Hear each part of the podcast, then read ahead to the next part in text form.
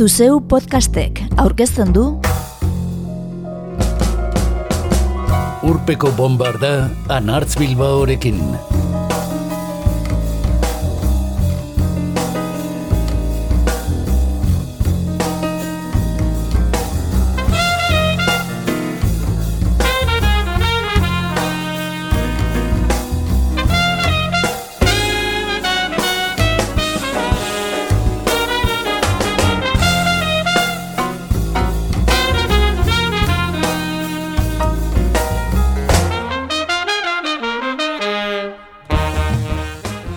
Mila bederatzireun eta irurogeita mazazpi. Pop musika norabidez aldatu zen urtea. Idatzi du Pablo Carrerok oiesarte.com atarian. Eta ondo begitan du zaigu. Mugarri izan diren beste urte batzuk ere izango diren arren. Punk musikaren agerpena du mintzagai aipatutako artikuluak. Eta bera hau izango dugu ardatz. Gaur, urpeko bombardan, entzungo ditugu The Clash, The Dunmet, The Jam, The Boys, Wire, Television, Jonathan Richman and the Mother Lovers, Richard Hell and the Void Voids, Dr. Feel Good, Motorhead, The Dead Boys, Ian Dury, Elvis Costello eta The Strangles. Aipatutako taldez gain, artikuluak beste hauisek ere aipatzen ditu. Sex Pistols, Ramones, Ultravox, Johnny Thunder and the Heartbreakers, Eddie and the Hot Rods eta Graham Parker. Gurean gaur tokirik gabe geldituko direnak.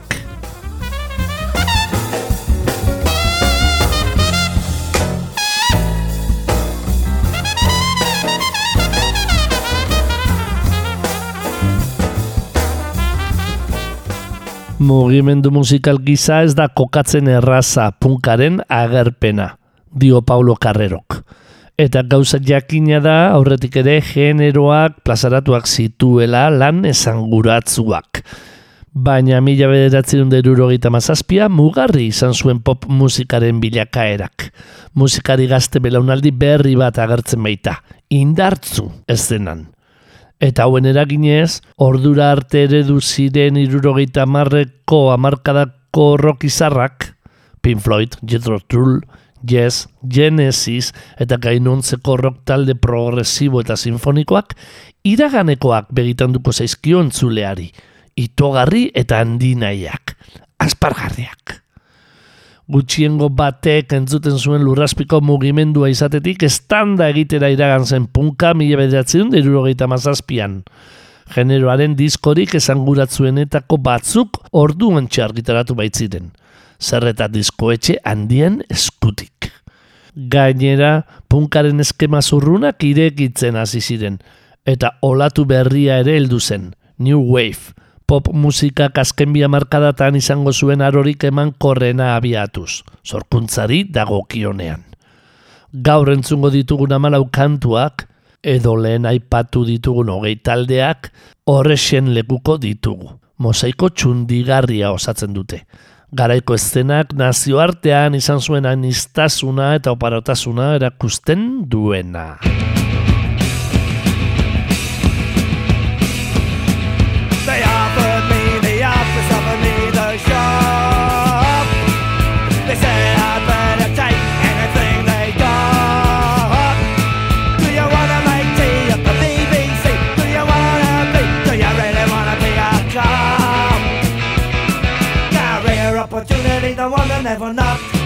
Job they offer used to keep you up the dock. Career opportunity, the one that never knocked.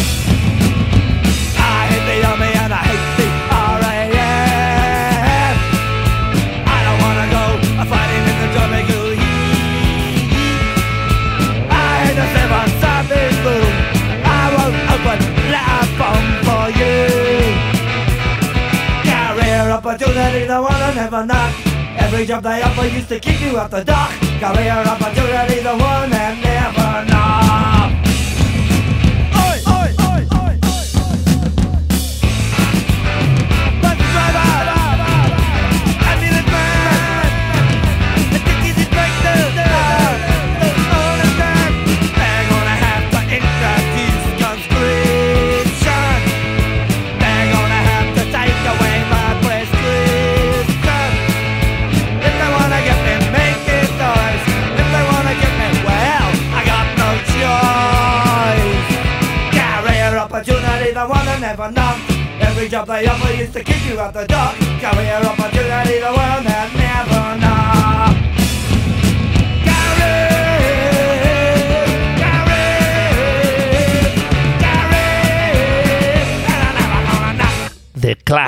Taldearen Career Opportunities entzun berri dugu, taldearen debut lanetik jasoa.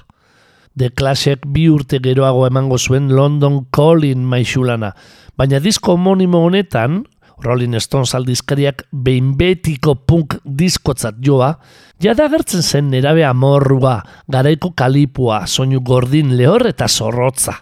Joe Stramer eta Mike Jones bikoteak ondua, oldarkorra da diskoa. Arrokeria dario. De klasen kompromiso politikotik eta de pistolsen nihilismotik urruti, de Danmet taldeak punkaren alderik ludikoena ordezkatzen du. Mila bederatzerun da irurogeita maseiko aurrian, historiako lehen Britaniar punk singela plazaratu zuten. A aldean New Rose, eta B aldean The Beatlesen Help bizkor bat agertzen zuena. Eta aurren urteko otzailean estreineko lan luzea argitaratu zuten. Premia biziko musika, kaliputzua eta boteretsua, zuzen zuzena. The Dartmet taldearen Dartmet, Dartmet, Dartmet diskoa, nit, nit, nit kantuak irekitzen du.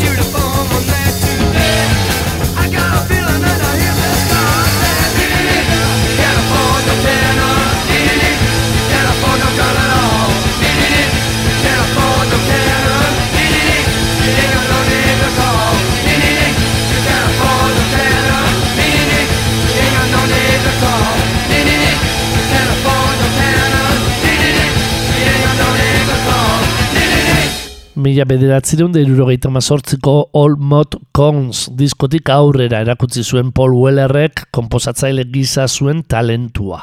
Baina The Jam taldeak aurrek urtean eman zituen bidiskoek, maiatzean bata eta azaroan bestea, melodia anitzeko punk rock zorrotza dakarte. The Jam, ordea, etzen oiko punk taldea, beraien itxuran, Horrazkera zaindua, neurrira egindako trajeak eta gorbata fina, eta aurreko hamarkadako musika ezagutzen dutela erakusten duten bertzioetan ikus daitekeenez. This is the Modern World diskoan Wilson Pickett soulizarraren kantu bat eman zuten. Eta In the City diskoan Batman Them zein Slow Down. Azken hau Larry Williamsena. Entzun dezagun.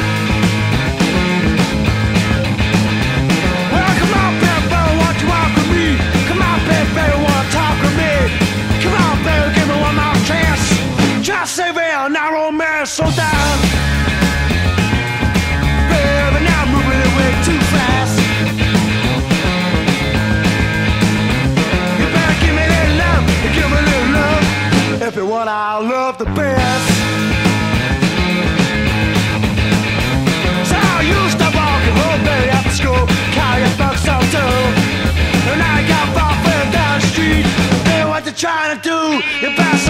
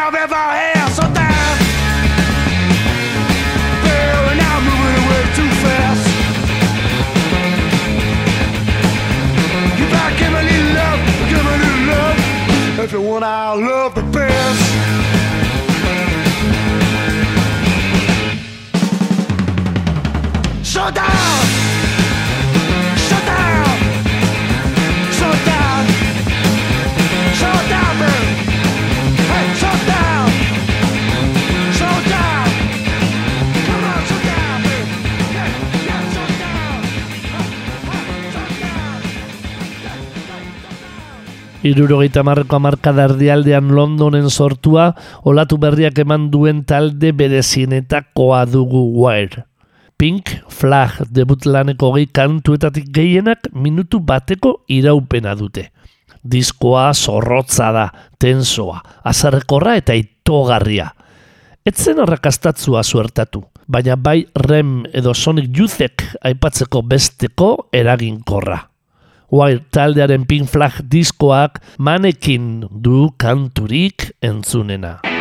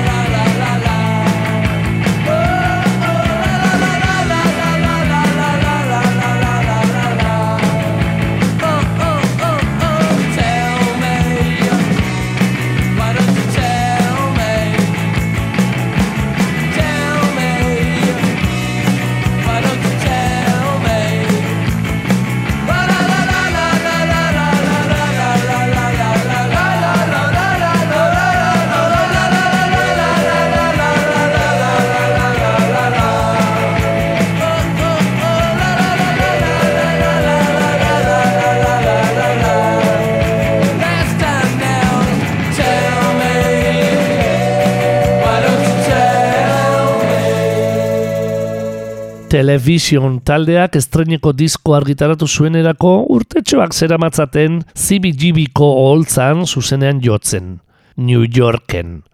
Punkaren molde eta aurrekontu estetikoak partekatzen zituzten, baina egia esan, punk taldeak baino asko sofistikatu eta esperimentalagoak ziren. Tom Berlain zuten buru, eta honen gitarrak Richard Joytenarekin egiten zituen jolas irudimentzuak ikur. Television taldearen Mark Moon maixulantzat hartzen da egun, baina diskoak ez zuen onarpenik jaso bere garaian. See No Evil kantu harrigarriak irekitzen du.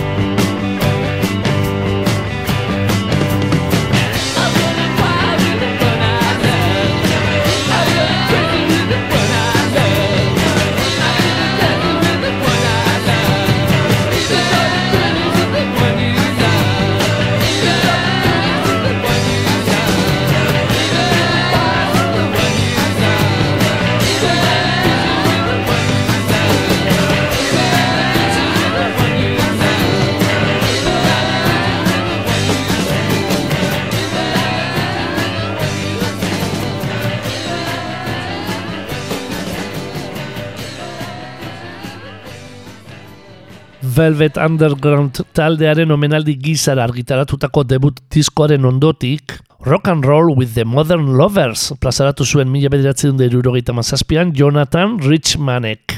Lan argitzu, atsegin eta alaia. Bere ibilbide luz eta gora beratzuan, estatu batuarrak mantenduko dituen hiru ezaugarri. Punk kantutzat genezake jarraian entzungo dugun I'm Scream Man. Ispirituz bai. Seguru.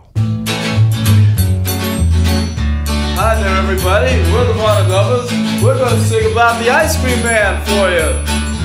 Well, now, Ice Cream Man, upon my street. I heard your truck outside is really neat. Ice Cream Man, upon my block. Your little chimes, they reel and they rock. Ice Cream Man, ring your bell. Play the music I've learned to love so well. Ice Cream Man, ring your chimes in the afternoon so fine. Ice Cream Man, upon my street. I heard your truck today, and eat, and eat, and eat. Ice cream man, upon my block now. Your chimes, your chimes, they reel and rock. Now ice cream man, upon my street. Your little truck noise, and need and need an ice cream man, upon my block. I heard your chimes, I know they reel and they run.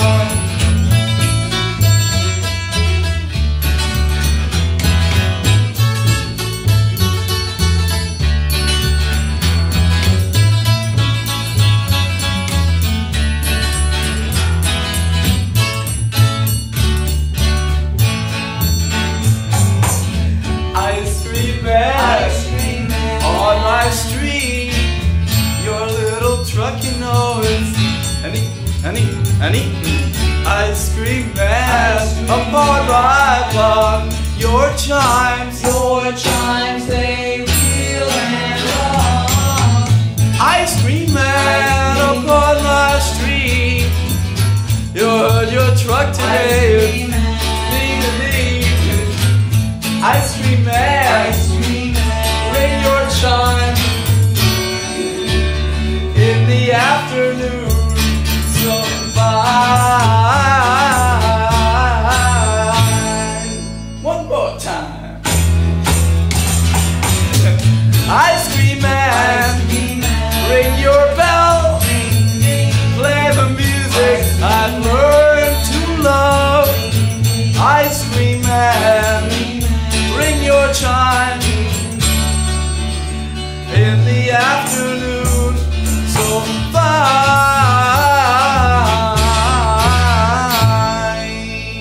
Tom Berlainen Television eta Johnny Thundersen Heartbreakers taldeetako kide izan zen Richard Hellek, talde propioa eratu zuen, The Voidoids. Eta New Yorkeko punk diskorik esan zuenetako batekin debuta egin. Robert Quinnen gitarrak dirdira ematen dion Blank Generation. Diskoari izena ematen dion kantu antzungo dugu Richard Hell and the Voidoidsen debut lanetik. Blank Generation.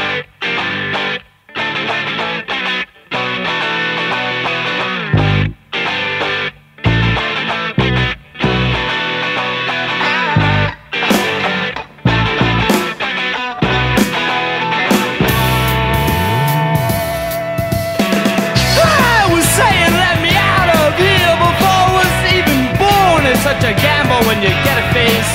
It's fascinating to observe what the mirror does, but when I dine it's for the wall that I've set a place. I belong to the blank generation and I can take it or leave it each time. Well, I belong to the generation, but I can take it or leave it each time.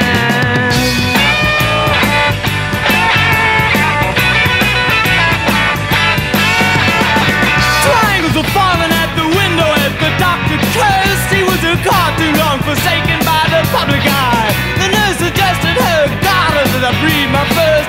The doctor grabbed my throat and yelled God's consolation prize. I belong to the blank generation and I can take it or leave it each time. Well, I belong to the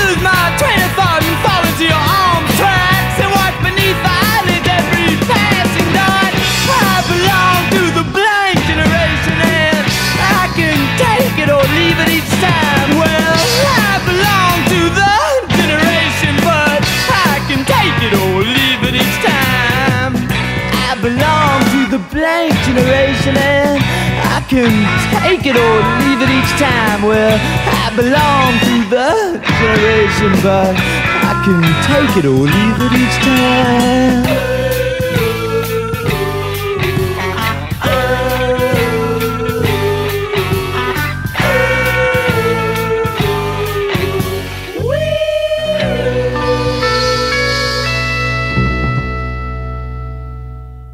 Gurean puff rock talde ezagunena Dr. Feelgood dugu. Rhythm Blues zutzua jo izan duena markada luzez. Wilco Johnsonen gitarra eta Lee Bridgoksen ahotza, nikotinak eta alkolak moldatutakoa, ikur zituena. Mila bederatzen dira eta mazazpian Sneaking Suspicion eta Be Seeing You plazaratu zituenerako taldeak eskarmentu haundia zuen holtza gainean. Por cierto, lehena grabatzen ari zirela taldetik ospa egin zuen Wilco Johnsonek. Hey mama, keep your big mouth shut, entzungo diogu Dr. Feelgoody.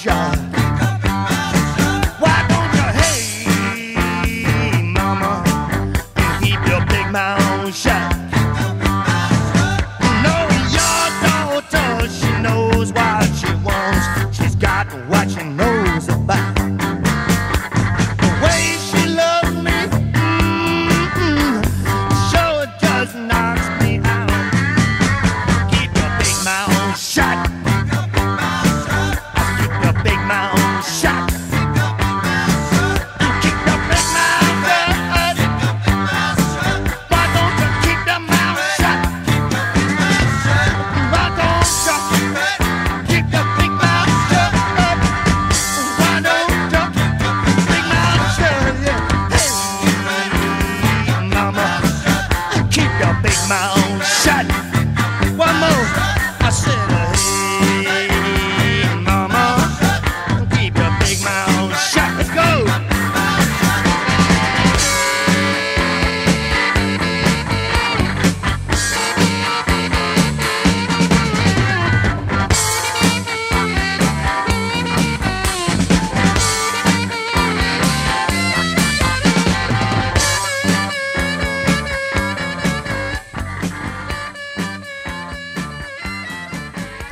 gogorra eta rock progresiboa jorratzen zuen Hutkins taldetik zetorren Lemmy Kilmisterrek sortutako Motorhit agudo bihurtu zen Britania hondiko metalaren ikur.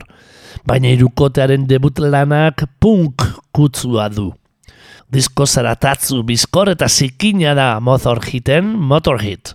Orduko musika estenan tokia ostikoka egin zuena. Eta beste horren beste, eh? Motorhit kantua.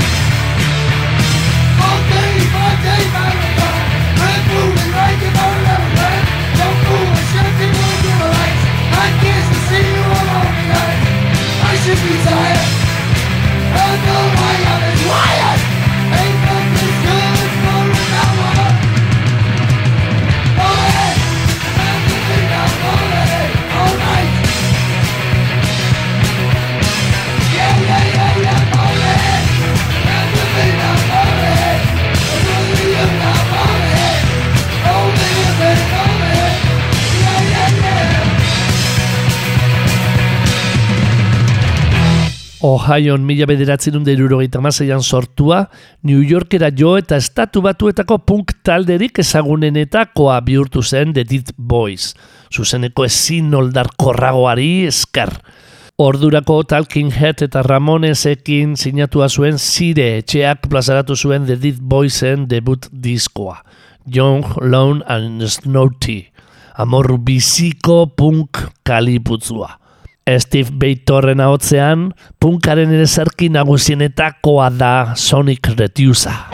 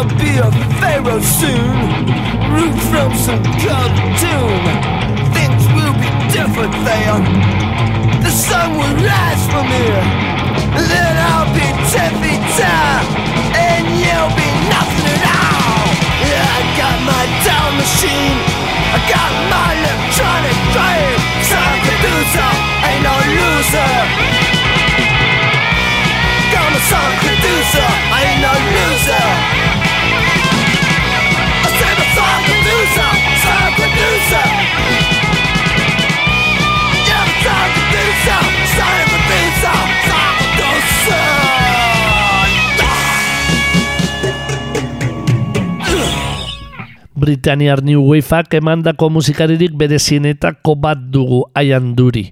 Umetan poliomelitizak jo zuela eta gorputzatal batzuk paralizatuak zituena. Arte eskolako maizu izandako gizonak debut lan bikaina eman zuen mila bederatzen derurogeita mazazpian. New Boots and Pants. Bertan gordetzen da berbarako Sex and Drugs and Rock and Roll kantu ezaguna. Baita entzute dugun Wake Up and Make Love With Me ere. Gerora Sidney O'Connorrek berrirakurriko zuena.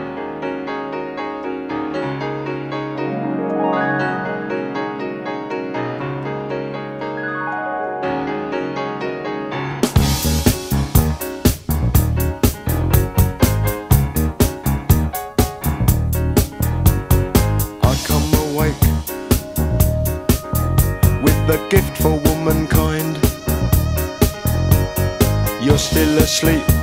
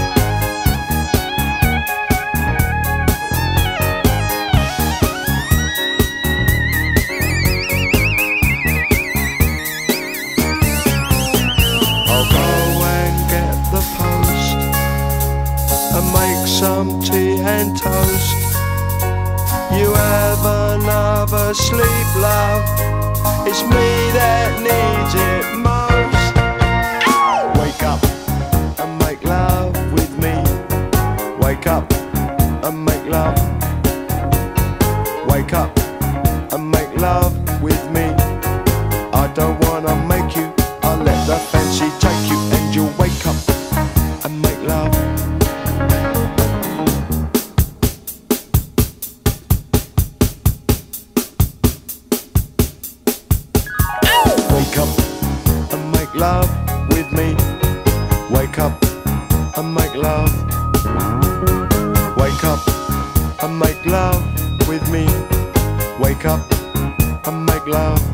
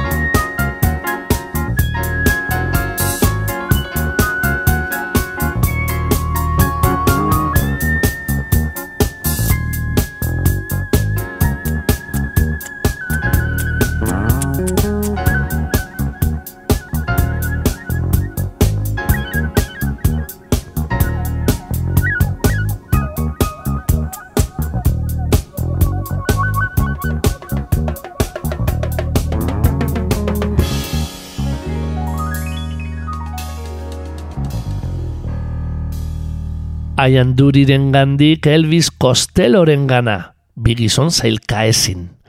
Patrick McManusek ere, aka Elvis Costellok, maixulan batek irein zuen debuta mila bederatzen deirurogeita mazazpian. My aim is true, Steve Recordsekin plazaratua eta Nick Lowe ekoiztua.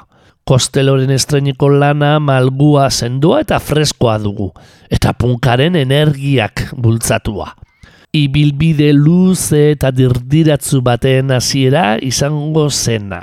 Watching the Detectives kantuak izten du, My Aim is True.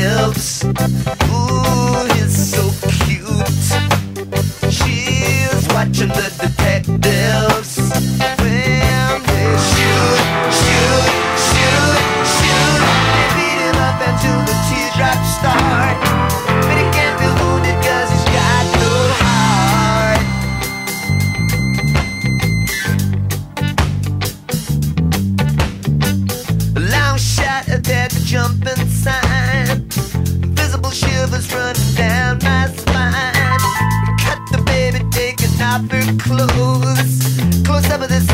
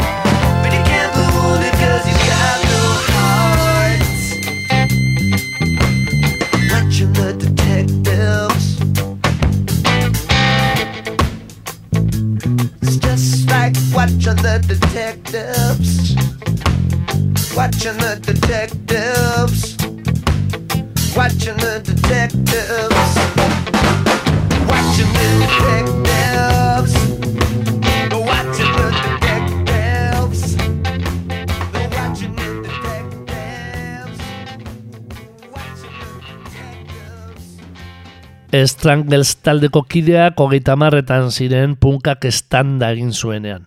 Eta psikodelia garaje zein rock gotikoa ustartu zuten punkarekin batera.